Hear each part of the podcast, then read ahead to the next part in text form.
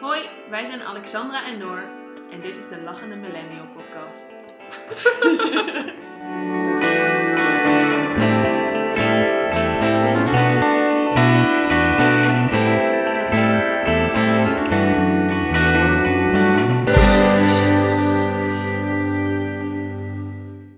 Dus, volgens mij gaan we het hebben over minimalisme. Ja, want vorige keer hadden we het over kledingstukken.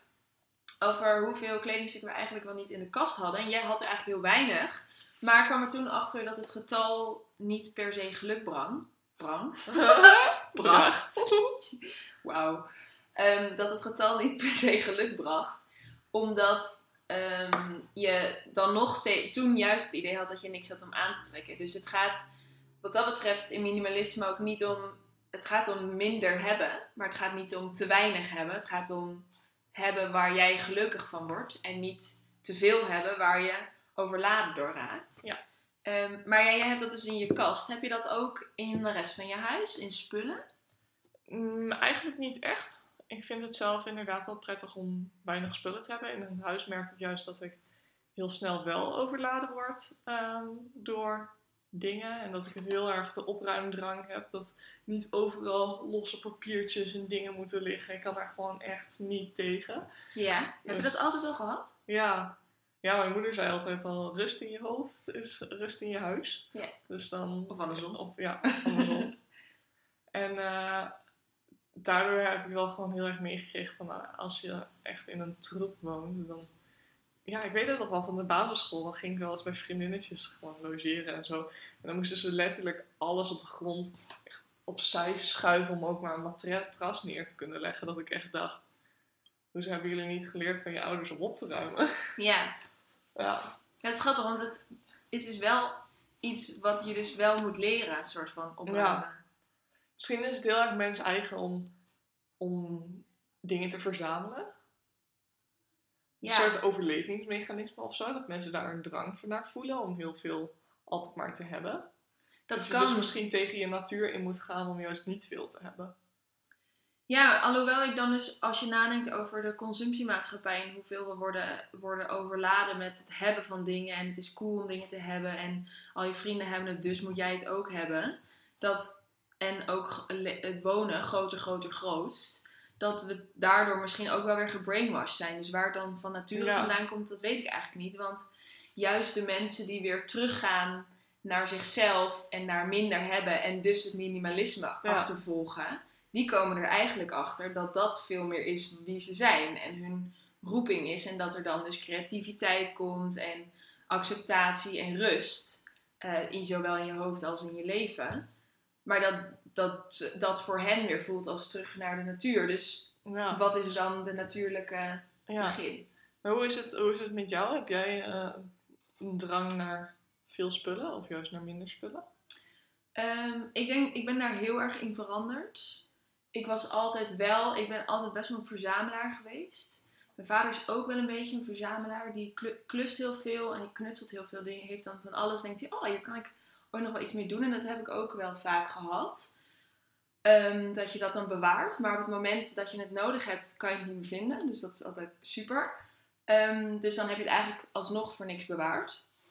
En ik denk dat bij mij langzamerhand en nu ik bezig ben met, vooral dan met mijn kledingkast, is het dan echt wel begonnen.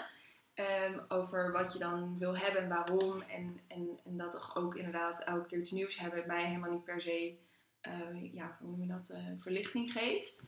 En eh, ik ben ook best wel vaak verhuisd in de studententijd. In Groningen ben ik denk ik wel al zes keer van en naar Groningen en in Groningen verhuisd. En elke keer, en dan heb je één kamer, studentenkamer, maar helemaal niet per se altijd heel groot.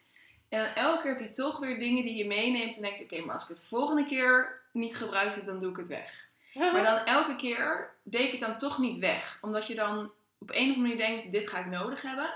En ik heb bij mezelf in het laatste jaar heel erg gemerkt dat ik dan ehm, nu daar heel erg van juist rust krijg als ik dat dus wel oplos. Dat ik het weer weggeef of dat ik het aan iemand teruggeef. Of dat je eh, als je een boek gelezen hebt het weer langsbrengt. We hebben zo'n eh, de leeszaal in Rotterdam. En dan kan je een boek lenen. En dan, nou, je hoeft niet eens te lenen, je mag het gewoon gratis meenemen. Maar dan kan je het ook weer daar terugbrengen. En dan kan de volgende het weer lezen. Ja. Dat ik dat gewoon sneller doe. Ik heb liever niet dat een- zo'n boek dan vijf weken in mijn kamer ligt. Ik heb liever dat ik hem dan gewoon meteen terugbreng. Ook al ga ik niet meteen iets nieuws halen. Ja. Ehm, dus ik ben wel meer aan het opruimen geweest. En ook ehm, aan het minimaliseren. En wel op de manier waarop ik ook in kan zien dat het voor mij ook wat is. Want ik heb wel vaak als ik naar minimalisten keek of het zag, dan dacht ik wel van ja, dan heb je ook een heel. Ehm, die hebben vaker op zich ook een soort legere woonkamer. En dat sprak me dan niet aan. Dat het daar, voor mijn gevoel werd het daar ongezellig van. En dat was met meer dingen wel, meer facetten. Maar ik denk vooral in huis. Dus ik ben wel minimalistisch op de manier dat ik dus wel misschien meer heb dan een echte minimalist. Maar wel dan ook die spullen heb omdat ze me plezier geven. Ja, ik En denk dat dat belangrijk is om vast te houden. Dat je inderdaad alleen spullen hebt die je ook echt plezier geven. Niet altijd maar bewaart omdat je ze bewaart. Want het wordt Ja. eigenlijk bijna bewaren om het bewaren. Precies. En heel veel dingen denk je ook, ja, dat heb ik eigenlijk niet meer nodig.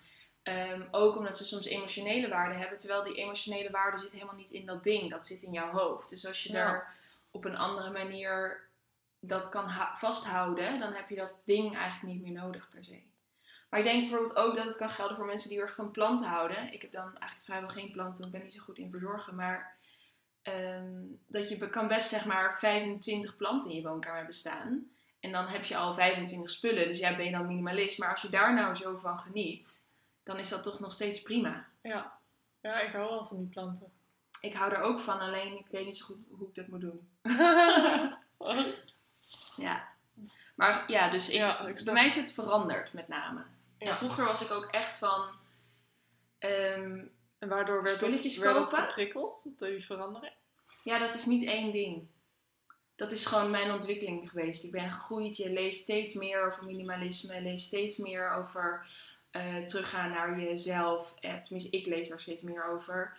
En eh, dat is zo'n langzaam proces geweest. En ik denk op een gegeven moment heb ik dus die dingen, een aantal dingen weggedaan waarvan ik dacht, oké, dit moet ik bewaren. En dan merk je na een tijdje dat je die nooit meer hebt gemist. Dus dan kan je dat ook weer met het volgende doen. Dus het is een groeiproces. Dus het, er is ook niet een, een trigger geweest. Ja. Maar ik heb dat niet zoals jij in ieder geval van huis uit meegekregen. Ja, ik de- denk dat voor de mensen, want ik heb zelf de documentaire Minima- Minimalism gezien op Netflix. Ja. Ik denk voor mensen die zich ermee bezig willen houden, maar nog niet zo goed weten hoe ze er grip op moeten krijgen, dat wel een goede is. Zeker, maar hun hele message is gewoon Ja. super goed. En ehm, Ja, ik heb hem zelf ook als. eh, want het enige waar het bij mij eerst nog wel redelijk in verzamelen was, was met kleding. ja, Ehm, en ik had minimalism als vervolg op de True eh, Cost gezien. ja, Dus en toen werd mij wel heel duidelijk van het, het altijd maar kopen om het kopen. Want ja, ik denk dat iedereen dat soms wel eens kent. Dat je denkt, oh, ik heb zoveel zin om te shoppen. ja, En ja. dat dat niet per se...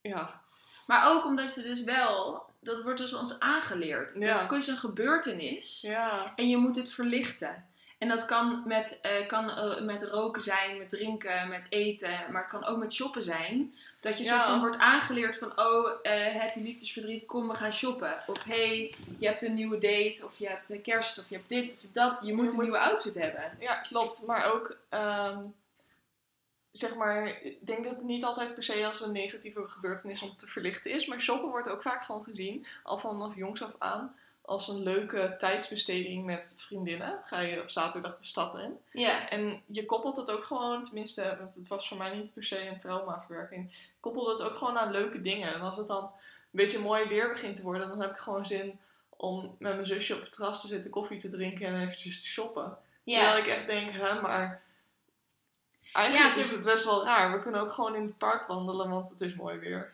Ja, maar dat is ook raar, want ik noem, dat is zo'n leuk woord, shoppen. Dat kan betekenen rondlopen, kijken, niks kopen. Maar het kan Ja. ook betekenen rondkopen, kijken en wel heel veel kopen. Ja. Dus, want ik kan heel goed shoppen en daar heel veel plezier van uithalen, maar niks, kopen. Ja dat, ja, dat heb ik ook. Want ze hebben een dag in een kringloop en ik heb de tijd van mijn leven. Maar ik hoef niet per se iets meer naar huis te nemen om de tijd van mijn leven te hebben. Ja. En dat is denk ik ook een verschil dat heel veel mensen dan shoppen toch correleren aan kopen. Ja.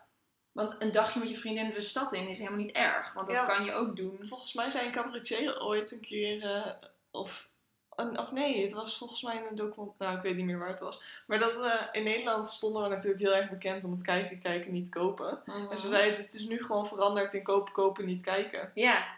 Ja, nou dat is wel een goede omschrijving. Ja, dus dat vind ik best wel grappig. Dat, dat, eh. Maar Ja. ik heb ook zelf, dat vond ik echt wel heel, heel opvallend. Ehm, ik had het er met een collega over, over, eh, nou ja, over dus het verzamelen van spullen en, en dingen hebben in huis. En zij zei, ja, ik hou gewoon heel veel van decoratiemateriaal. Dus gewoon leuke kleine prularia dingetjes van de Ikea, dat vind ik gewoon heel erg mooi. En ehm, ik heb eigenlijk ondertussen ik heb niet zo'n groot huis, dus eigenlijk past het nergens. Maar ik heb wel een hele grote kledingkast, vertelde ze. En ik heb nu dus gewoon twee planken ingericht voor decoratie, die ik dan bewaar voor als ik een groter huis heb. Dus zodra ik iets heb gekocht bij de IKEA, dan zet ik het daar neer. Maar ik weet eigenlijk ook niet zo goed meer wat er allemaal staat. En toen dacht ik wel, maar waarom doe je het dan? Wat bizar. Eigenlijk is dat toch van de zotte? Ja, maar ik denk niet dat zij de enige is. Ik weet het zeker dat zij niet de enige is. Maar hoe, 100 procent. maar hoe kunnen we mensen dan bereiken die, die dat doen? Nou, ik het denk wat, wat ehm, Want je wordt er dan ook dus niet meer gelukkig van, want, want je Nee. weet niet meer wat je hebt. je hebt er niks aan, je geeft er geld aan uit, je stopt het weg en dat is het. Ja, En uiteindelijk geeft het je dus gedoe, want stel je gaat niet groter wonen, dan heb je die spullen. En dan wil je opeens wel meer, heb je meer ruimte in je kledingkast nodig, want je krijgt er een kind bij, weet ik veel.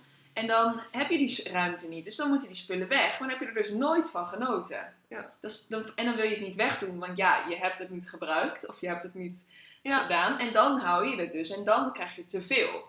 Maar Ja. ik, ja, hoe je, ik denk wat heel goed is nu, dat er een hele ehm, beweging is, onder andere door Marie Kondo, maar ook door de minimalists, dat er veel meer aandacht aan besteed wordt. En dat er veel meer gekeken wordt, sowieso denk ik ook door onze generatie, naar wat maakt me nou gelukkig. En eh, dat spullen je uiteindelijk niet gelukkig maken. En dat ehm, heel veel online zijn en op je telefoon zijn, haalt je daarvan die gedachte af. Maar zodra je daar dan afgaat, dan kom je denk ik dichter bij je core. Dus ik heb het idee dat hoe vaker mensen erover horen, over lezen, over nadenken, dat dat allemaal helpt in het proces. ja. Maar ik denk bij veel mensen, ik weet niet, heb je wel eens het programma Consumed op, Insta- op Instagram, op ehm, Netflix gezien? Mm, weet Dat is een niet. serie, lijkt een beetje op eh, Tidying Up met Marie. Kondo. Maar mij heb je me hier een keer over verteld. Oh, Maar dat zou best kunnen. maar vertel nog maar een keer. Ehm, het zijn gezinnen over het algemeen. En die eh, krijgen dan hulp van ook een, een opruimcoach. en ehm, die hebben echt, echt, echt veel spullen. Die hebben een huis met vijf kamers. Waarbij je in alle vijfde kamers de vloer niet meer kan zien. Alle kastjes helemaal overvol zitten. Echt, het is bizar. Die hebben vooral vaak heel veel speelgoed. Of iemand had ook heel veel knutselspullen. Die hield heel erg van kerst. En die had overal kerstprolaria staan. Die stonden dus het hele jaar in dat huis. In een kamer stond gewoon alleen maar kerstspullen.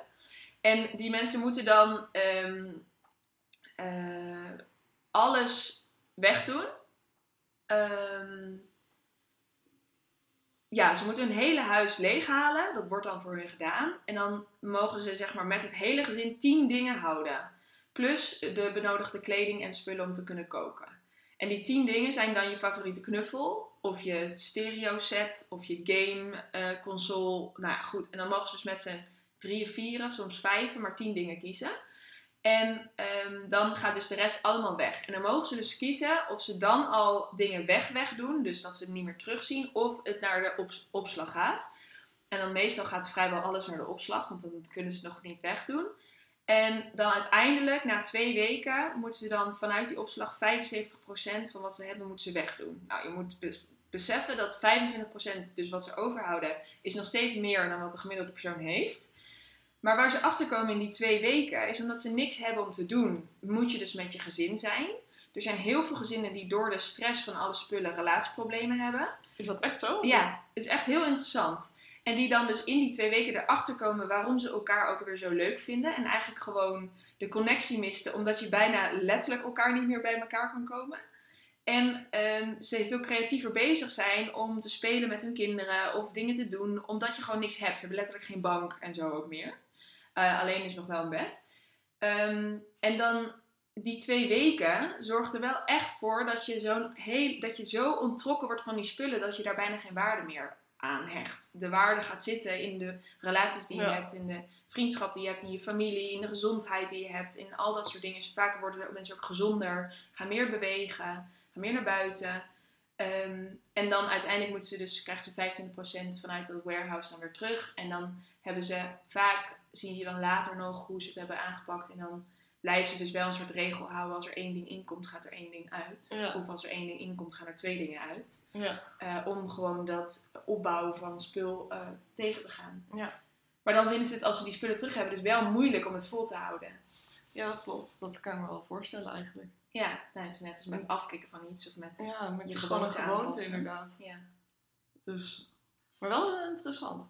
Het is echt leuk om te kijken. Maar hoezo komt het dat nog één keer terugkomend op de, de verstoorde relatie tussen mensen door spullen? Hoe werkt dat? Ik vind dat heel interessant. Nou, er was bijvoorbeeld een gezin en ehm, die vader die werkte heel veel. Het zijn vaak ook wel gezinnen die ja, hard moeten werken om helemaal rond te kunnen komen. Volgens mij deed hij twee banen en dan zo nachtshifts en dagshifts. Echt dat je dacht, hoe hou je dit vol? En, ehm, en die moeder die had, deed ook iets. Dus die was er ook niet altijd voor die kinderen. En op een gegeven moment ging ze dat dus oplossen met, eh, Met spullen. met spullen kopen, cadeautjes kopen. En uiteindelijk zat die hele familie dus in de rotzooi. En ehm, die vader kwam dus vermoeid thuis en moest dan altijd door die rotzooi ongeveer naar zijn bed. En die moeder die bleef dus een soort van spullen kopen om dingen goed te maken die ze eigenlijk niet goed kon maken met spullen. Maar dat was al voorbij, want ze had die spullen al. Dus dan ging ze maar meer spullen kopen. Terwijl toen al die spullen dus weggingen, had die pa, vader had het rustiger, want die kon gewoon doen wat hij moest doen. En die moeder, die had door dat ze eigenlijk haar kinderen, nou ja, verwaarloosd is een groot woord, want ze deed hartstikke goed, was een hartstikke lieve moeder. Maar dat ze dus niet haar kinderen kon geven wat ze er hun wilde geven. wilde geven. Ja. Uh, omdat ze de, dus op een verkeerde manier oplost. En toen al die spullen weg was, want zij deed ook homeschooling. Maar Ja. er was dus ook bijna geen ruimte voor creativiteit. Omdat er gewoon altijd... Ja. Om de ene opdracht te doen, moesten ze de spullen van de andere opdracht soort van aan de kant schuiven. op de hoop. Mijne. dus ehm, ja, dat alles zorgde ervoor dat ze ja, een betere relatie hadden. En volgens mij zijn zij er toen ook wel achter gekomen dat als ze beter met hun geld omgingen, dat die vader dus ook wel minder kon gaan werken. Ja. Dus dan geeft dat ook rust. Maar dat kan ik ook verzonnen hebben of net alles door elkaar hebben gehaald. Maar, Maar dat is ook wel wat, wat, nou ja, wat ik opvallend vind. Is dat het misschien vaak ook nog gezinnen zijn die niet per se heel veel geld hebben. En toch zoveel spullen. En dat Ja. is die collega van mij. Zeg maar, we werken allemaal best wel veel en zoveel verdienen we niet. En dan toch gaat er zoveel geld uit naar spullen. ja, Bijna om te kom Terwijl ze bijna niet thuis is omdat ze zoveel werkt. ja. En dan, dan vul je dat op terwijl je helemaal niet Nee. ervan kan genieten. Nee, dat is je- dan ja. gek eigenlijk. Gek, hè? Ja. Maar ik denk dus ook wel dat het komt omdat spullen zo cheap zijn. Dat je... Nou, weet ik niet of dat zo is. Nou, misschien, ja, weet ik ook niet of het zo is. Maar als je... eh, stel je hebt een best wel dure hobby. Je houdt van eh, mooie horloges verzamelen. Dan is dat een heel andere aanschaf of zo. Dan als je iets, Ja. een prolaria koopt wat 50 cent kost bij de Ikea. Ja. En dan denk je wel van... Want jij zei toen ook over die... Dat, eh, de waarde van de kleding. En dat als het dus goedkoper was dan je verwachtte dat het zou zijn, dan kocht je het sneller. Ja. Nou, ik kan me best wel voorstellen als dat met die spulletjes is, ja, dat je het dat je het dan... toch sneller koopt. Maar niet doorhebt dat elke 2 euro wel meetelt in je kasboekje. Ja, dat is waar. Misschien wel. Ik had ook een keer... eh, volgens mij op Instagram eh, had iemand zijn verhaal gedeeld over een vrouw die shopverslaafd was. En die werkte dus op echt zo'n, nou ja, bijna op de Zuidas-achtige kantoren, zeg maar. En die zei, ja, ik werkte dan ongeveer 12, 14 uur per dag. en dan bestelde ik, bestelde ik kleding en schoenen gewoon online. En dan kwam het binnen de volgende dag. Maar ik had nooit tijd om het aan te trekken, omdat ik ongeveer 7 dagen in de week 14 uur werkte. Ja. Maar toch bleef ze ermee kopen. En op een gegeven moment had ze zoveel spullen waar allemaal nog het kaartje aan zat. Dat, Ja. dat ze zich besefte, dit, ik kan niet werken om te kopen. En er Nee, vervolgens niet van te genieten, zeg maar. nee. Dan, ja. En het, het bizarre is dat, dus wat ik dan ook jammer vind aan het online, is dat je het zo makkelijk besteld hebt, dat dan komt het en dan pak je het uit, maar dan ehm, heb je het misschien druk, weet je, of je moet weer naar je werk, of je moet dit of dat, dat doen. En dan heb je dus nooit het plezier wat je in principe wel kan beleven aan kopen. Zelfs niet, een, al die, niet, zelfs niet dat half uur, als in het eerste Ja. plezier, wat kortdurend is. Maar dat heb je dan zelfs niet. Dus waar, dan snap ik niet zo goed wat dan de trigger is om te blijven kopen. Ik snap het ook niet. Als je het toch niet aan kan Misschien trekken. moeten we een keertje met iemand praten eh, Ja, dat die, zou wel eh, mega interessant zijn. die een beetje verzameldrang heeft. Dus Kijken of we diegene om kunnen praten. ja, Nee, nou ja, grapje. mocht iemand iemand kennen die van verzamelen houdt en zin heeft om een keertje met ons een kopje thee te komen drinken. Let us know. Ja. We zijn benieuwd. Ja, Ja, maar ik vind dat wel bijzonder. En ik denk dus ook wel dat het interessant is om op die manier naar vriendschappen en, eh, en relaties te kijken. Maar, want hoe... want minimalisme speelt niet alleen door in spullen, bedoel je? Of, Nee, want ik denk dat het ook heel belangrijk is om te beseffen waar je blij van wordt. ehm, in welke vriendschap. Want je kan natuurlijk eeuwig met mensen af blijven spreken. En elke avond met mensen eten omdat je gewoon veel mensen kent. En met mensen op, ja, wil blijven connecten. Maar daar ga je aan onderdoor als je werkt en elke avond keer afspreekt. ja. En haal je er dan wel energie uit? En ik denk dat best wel vaak het niet zo is. Ja, niet altijd, elke keer moet je misschien energie halen. Maar het, over het algemeen zou je zeggen, moet je er energie uit kunnen halen. Maar ja, hoe pak je dat dan aan? Hoe, hoe ja. Heb jij, is er bij jou een verhaal over? Ja, ik. mm, Hij- ja, ik was eh, een tijdje een beetje overspannen. En toen heb ik wel van, de, van mensen gehoord van, nou, misschien is het een leuk idee dat je... Omdat ik zei van, ja, ik ben vooral heel erg overspannen omdat ik heel veel steeds moet op sociale dingen. En dan van koffie naar koffie ren om met mensen bij te kletsen. En eigenlijk word ik daar helemaal niet zo gelukkig van. En toen kreeg ik dus de tip van, misschien kun je gewoon maar één afspraak per dag inplannen. Ik ben nu nog vrij flexibel met, ik werk niet fulltime en ik studeerde toen nog. Dus zeg, ik denk dat het nog moeilijker is als je wel fulltime werkt. Dan is misschien één keer per dag al vrij heftig. Ja, dan kan Maar je als je- drie keer per week zeggen of zo. Ja, Ja. maar voor mij was dat toen heel erg fijn. Want ik had echt gewoon letterlijk dat ik met zes mensen afsprak. En dan, het kostte me zoveel energie. En ik had er ook niet echt meer voldoening uit. Want ik dacht, oh, ik heb nu één uur en een kwartier. En dan heb ik nog even tijd om daarheen te fietsen. En dan gaat het weer door. En Ja. Ja, je geniet Ja. dan eigenlijk niet van wat je op dat moment aan het doen bent. Ja, en volgens mij is het dan belangrijk om te beseffen van waar, waar haal ik wel mijn energie uit. En als dat het niet is, misschien moet je dan gewoon tegen mensen gaan zeggen... Sorry, maar ik heb vandaag, ik heb het al vandaag wat gepland. Ja. Een andere keer komt beter uit. Ja, maar ik denk wat daar wel moeilijk aan is. Als in, ik ben het helemaal met je eens. En ik probeer ook minder dat je inderdaad van hot naar her gaat. Want ik merkte ook als je dan met drie vriendinnen op een dag allemaal los bijpraat. Dat je dus ongeveer drie keer hetzelfde verhaal aan het vertellen bent. En dat je bij de laatste keer dan eigenlijk niet meer weet, heb ik dit nou wel of niet al verteld. En dan Ja. heb je eigenlijk helemaal niet... ehm, ja, inderdaad dat je ervan geniet. En dat je echt het idee hebt dat je weer contact aan het leggen bent. Nee, precies. En, eh, maar wat ik denk ik wel moeilijk vind eraan, is dat er een soort sociale norm is die heel ehm, beleefd is en heel vriendelijk. En ook dat het bijna raar is als je zegt: Ik heb al iets afgesproken in de ochtend, dus ik kan in de avond niet afspreken. Dat je je altijd moet verantwoorden waarom je Ja. niet wil afspreken. Je kan niet, zoals kinderen soms zeggen: Wil je met me spelen? Nee, dat wil ik niet. Ja, Dat- daar heb ik geen zin in. dat- ja, dat, dat kan, kan eigenlijk niet. Terwijl, waarom zou dat niet kunnen? Want je weet bij iedereen dat je het allemaal druk hebt. Of tenminste, je hebt een baan Ja. en je hebt een weekend en je hebt misschien een vriend en je wil ook nog sporten en eh, aan dat soort dingen denken en rust nemen. Ja, wanneer moet je dat dan nog doen? Dus ik Ja. vind, Maar dat Best- rust nemen komt, wordt vaak een beetje op de achtergrond geschoven. ja, maar het is vreemd dat je dus moet verantwoorden dat je rust wil nemen. Ja. En dat je dus ook denkt van ja, maar ik wil het waardevol houden. Dus ik wil niet nu eh, na een hele dag rondracen door een stad eh, ook nog met iemand wat drinken of zo. Maar je kan, ja, ik weet niet. Ik vind die sociale norm dat je dus niet heel openlijk kan zeggen, nou, misschien moeten we er gewoon dit vergeten. Of zo.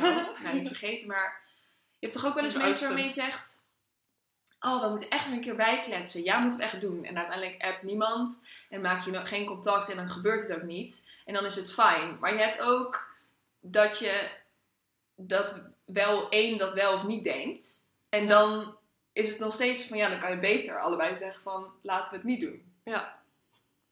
Ja, ik snap het wel. Maar ik vind dat ook wel een beetje met, met verjaardagen en zo. Dat, dan wordt er weer van je verondersteld dat je iedereen uitnodigt met wie je bevriend bent. Terwijl met sommige mensen denk je, ik heb helemaal geen zin dat jij op mijn verjaardag komt of zo. Want het is al heel erg druk of zo. En ik wil het gewoon met echt close vrienden afspreken. Maar waar Ja. trek je dan die grens? Ja. Zonder iemand het gevoel te geven dat je iemand buitensluit. Terwijl, Ja. Moet je nagaan als je een huwelijk moet plannen. Ja, maar een huwelijk is dan nog één keer in, eh, één keer in je leven, hopelijk, zeg maar. Dus dan, ik denk dat er, ja, dat weet je niet. Maar ik denk dat ik me er dan gewoon overheen zou zetten dat we niet alleen maar close friends zijn. Nee, oké, maar het- dan moet je wel Oh, dus de buren betalen voor ook je slim. niet close friends. Ja. Dan wordt het een soort van geldkwestie. Nou goed, ik had het hier laatst met iemand over. Maar ehm, niet voor mij trouwens. Ehm, Ja, maar ik snap dat wel. Maar dan is het dus een soort van, het is maar de- dat- lullig om te zeggen dat je niet, iemand niet per se je closest friend is. Terwijl andersom, hebt die groep, met, diegene heeft ook een groepje closest friends. En daarbuiten zit dan weer een nieuwe laag. Ja. Dus het is, iedereen heeft het, alleen niemand zegt het. Of zo. Ja. Maar ja, hoe dat dan wel zou moeten, dat weet ik ook niet. Want ik ben ook niet per se voorstander van meteen iedereen pijn doen. En eh, Dan zeg je, sorry, maar je mag niet bot, komen. eh, ja, precies. Heel recht voor zijn raad te zijn. Maar ja, het is wel soms moeilijk hoe je daarin moet... In moet ehm, Ja, of gewoon dat je met mensen afspreekt om koffie te drinken, maar je hebt er gewoon echt geen zin in op dat moment. Wat doe je dan? Ik heb met een paar vrienden dat ik gewoon letterlijk app, yo, ik heb nu even niet zoveel zin, ik ga even in mijn eentje op de bank zitten. En dan is het prima. ja, Maar er zijn dus vooral de mensen die niet je close friends zijn, is het moeilijk om zoiets te zeggen zonder ja, I know. hard over te komen. Ja, ik denk Terwijl dat eigenlijk juist de mensen zijn waar je dat zou liever, moeten doen. liever niet mee zou willen afspreken. En wel met de close friends. Ja, maar ik denk dus wel dat het goed is om dan te onderzoeken bij wie dan nog wel en wie niet. En ik zou dan dus wel op koffie gaan, maar dan bedenken, oké, heb ik hier nu weer binnen de komende zoveel maanden zin in? En het dan op zo'n manier proberen het weer te laten varen, zeg maar. En dan wat afstand te creëren. Want als je dan heel enthousiast gaat zeggen, oh, moeten we snel weer doen? Ja, dan zit je over een maand in dezelfde positie. Snap je? Ja, ik denk dat dat ook, tenminste, ik vind dat, ik merk bij mezelf dat ik dat heel snel doe zonder dat ik het echt, echt over nadenk of ik daar al zin in heb. Dat ik zeg, nou, dat was heel gezellig, moeten we echt weer doen. Terwijl ik dan achteraf denk, ja, maar niet, niet op, op de ter- korte termijn van volgende week. Gewoon inderdaad over drie maanden. Ja, maar dat is denk ik ook een soort, van ge- aangeleerde sociale Ja, vriendelijkheid. ja, Om ook een soort closure, hoe noem je dat, gespreksafsluiting te hebben of zo. Maar ik denk, ik ben er dat? steeds meer bewust van. Nou ja, ik, denk, ik doe dat ook. Ik, of ik deed dat meer. Maar ik ben me er wel meer bewust van dat je ook afscheid kan nemen en kan zeggen: doei. ja, dat klinkt heel stom. Zo'n laatste podcast luister trouwens van eh, Oprah. ja, En eh, dat was met Byron Katie. En daarin ging het gewoon over hoe je nee moest zeggen. Dat bijvoorbeeld als je dus opeens veel geld had, dat mensen geld van je willen lenen. En dat je dan dus kan, best kan zeggen: ehm, Ik vind het vervelend dat je problemen hebt, maar nee. ja, En Oprah werd er soort van ook een beetje awkward van dat ze zei: Oké, jij kan dus nu niks meer terugzeggen. Maar dat is ook zo, want als je gewoon duidelijk bent in wat je wil, dan Ja. zeg je dus gewoon nee. Of je zegt doei. ja. Of je zegt tot de volgende keer. Maar het is best wel, ja. Ja, en ik- misschien dat er gewoon heel erg mens eigen is inderdaad om de ander tevreden te stellen op of zo. te stellen. of Ja, zo, dat je het gevoel hebt dat als je gewoon doei zegt, je dat niet, niet doet of zo. Ja. Zullen, wij, zullen we proberen, zullen we een soort ehm, Challenge? challenge doen? Ja, Ja. vind ik leuk, ja. Om hier eens een tijdje wat bewuster mee bezig te zijn. Op allerlei gebieden. Maar dus in je communicatie, in wat jij wil en duidelijk zijn in je communicatie. Of is dat te vaag? Dat is te vaag. Oké, hoe zou jij het omschrijven? Ze, eh, heb- hebben we ondertussen, of hebben we het al afgeleerd, eh, moeite met vriendschappen en met mensen afspreken waar, waar we geen zin in hebben. Heb je dat, eh, is dat nog een probleem? probleem klinkt te heftig. Want anders kunnen we het gewoon daarop betrekken en dan hebben we echt een... Ja, alleen vind ik dat ook te vaag. Want, want welke stap neem je dan? Is het dat je dus iemand met wie je al afgesproken hebt... Dat heb ik eigenlijk niet in de toekomst, maar eh, in de nabije toekomst. Dat je met iemand die je afgesproken hebt dan toch zegt nee? Of dat je dus zorgt dat je niet gaat afspreken met mensen met wie je geen zin hebt? Zeg maar wat is dan... Ja, of dat je afspreekt, want ik dacht we gaan dit niet in de, deze challenge wel wat langer dan twee weken volhouden, dacht ik. Ja, Ik dacht gewoon even kijken, zodat je misschien gaat kijken van eh, hoe voel je je als je met mensen hebt afgesproken. En dan voor de volgende keer ehm, duidelijker aangeven nee. wat je wil. ja, Ja. of het dus niet laten gebeuren en gewoon doe je zegt, dit gaan we nog een keer doen. Ja. Misschien moet het inderdaad zijn dat je bewuster naar je vriendschappen kijkt. Ja, Een tijdje. ja en dat dan vind ik gaan we dat nog weer eens eh, reviewen over een tijd. Ja. Kijken of we kunnen minimaliseren. ja, dat is wel heftig. ja, nee, maar je hoeft het, als het Ja. goed is, als het zo goed is, hoef je het dus niet te mi- minimaliseren. Ja, zeker. Behalve als je denkt, hé, hey, het klopt niet met mijn gevoel en ik vind het moi, Ja, dan moet je er dus iets aan gaan doen. En dat is denk ik met, dus ook met spullen en in je kast en met afval en met rotzooi en met ja. hoe vol je je dag stopt bijvoorbeeld. Dat zijn allemaal dingen die je kunt, ja, dus de challenge wordt ja, Maar voor ons op vriendschappen. ja Dat hangt eigenlijk ook wel een beetje samen met hoe vol je je dag stopt. Zeker. Ik denk dat we daar allebei namelijk... eh, Best wel goed in zijn in dat vrij vol stoppen. Ja. Ja. ja. denk ik ook. Hebben we dan nog een vraag voor de mensen thuis? Ja, misschien dat ze mee kunnen doen met een challenge. Dan ben ik wel eigenlijk heel erg benieuwd naar wat voor challenge zij willen proberen. Ja, of dezelfde. En dan dus ook over vriendschappen. Over bewust worden van wat voor vriendschappen en relaties je hebt. En, en welke je of dat goede maakt. zijn en slechte. Ja, precies. Wat je gelukkig maakt, wat je energie kost. En dat als mensen dan tips hebben of dingen hebben waar ze tegenaan lopen. Dan weer horen wij dat heel graag. Ja, Ja. precies. Ja, dus onze vraag aan jou is... Welke vriendschappen geven jou energie en welke kosten dat vooral? Ja.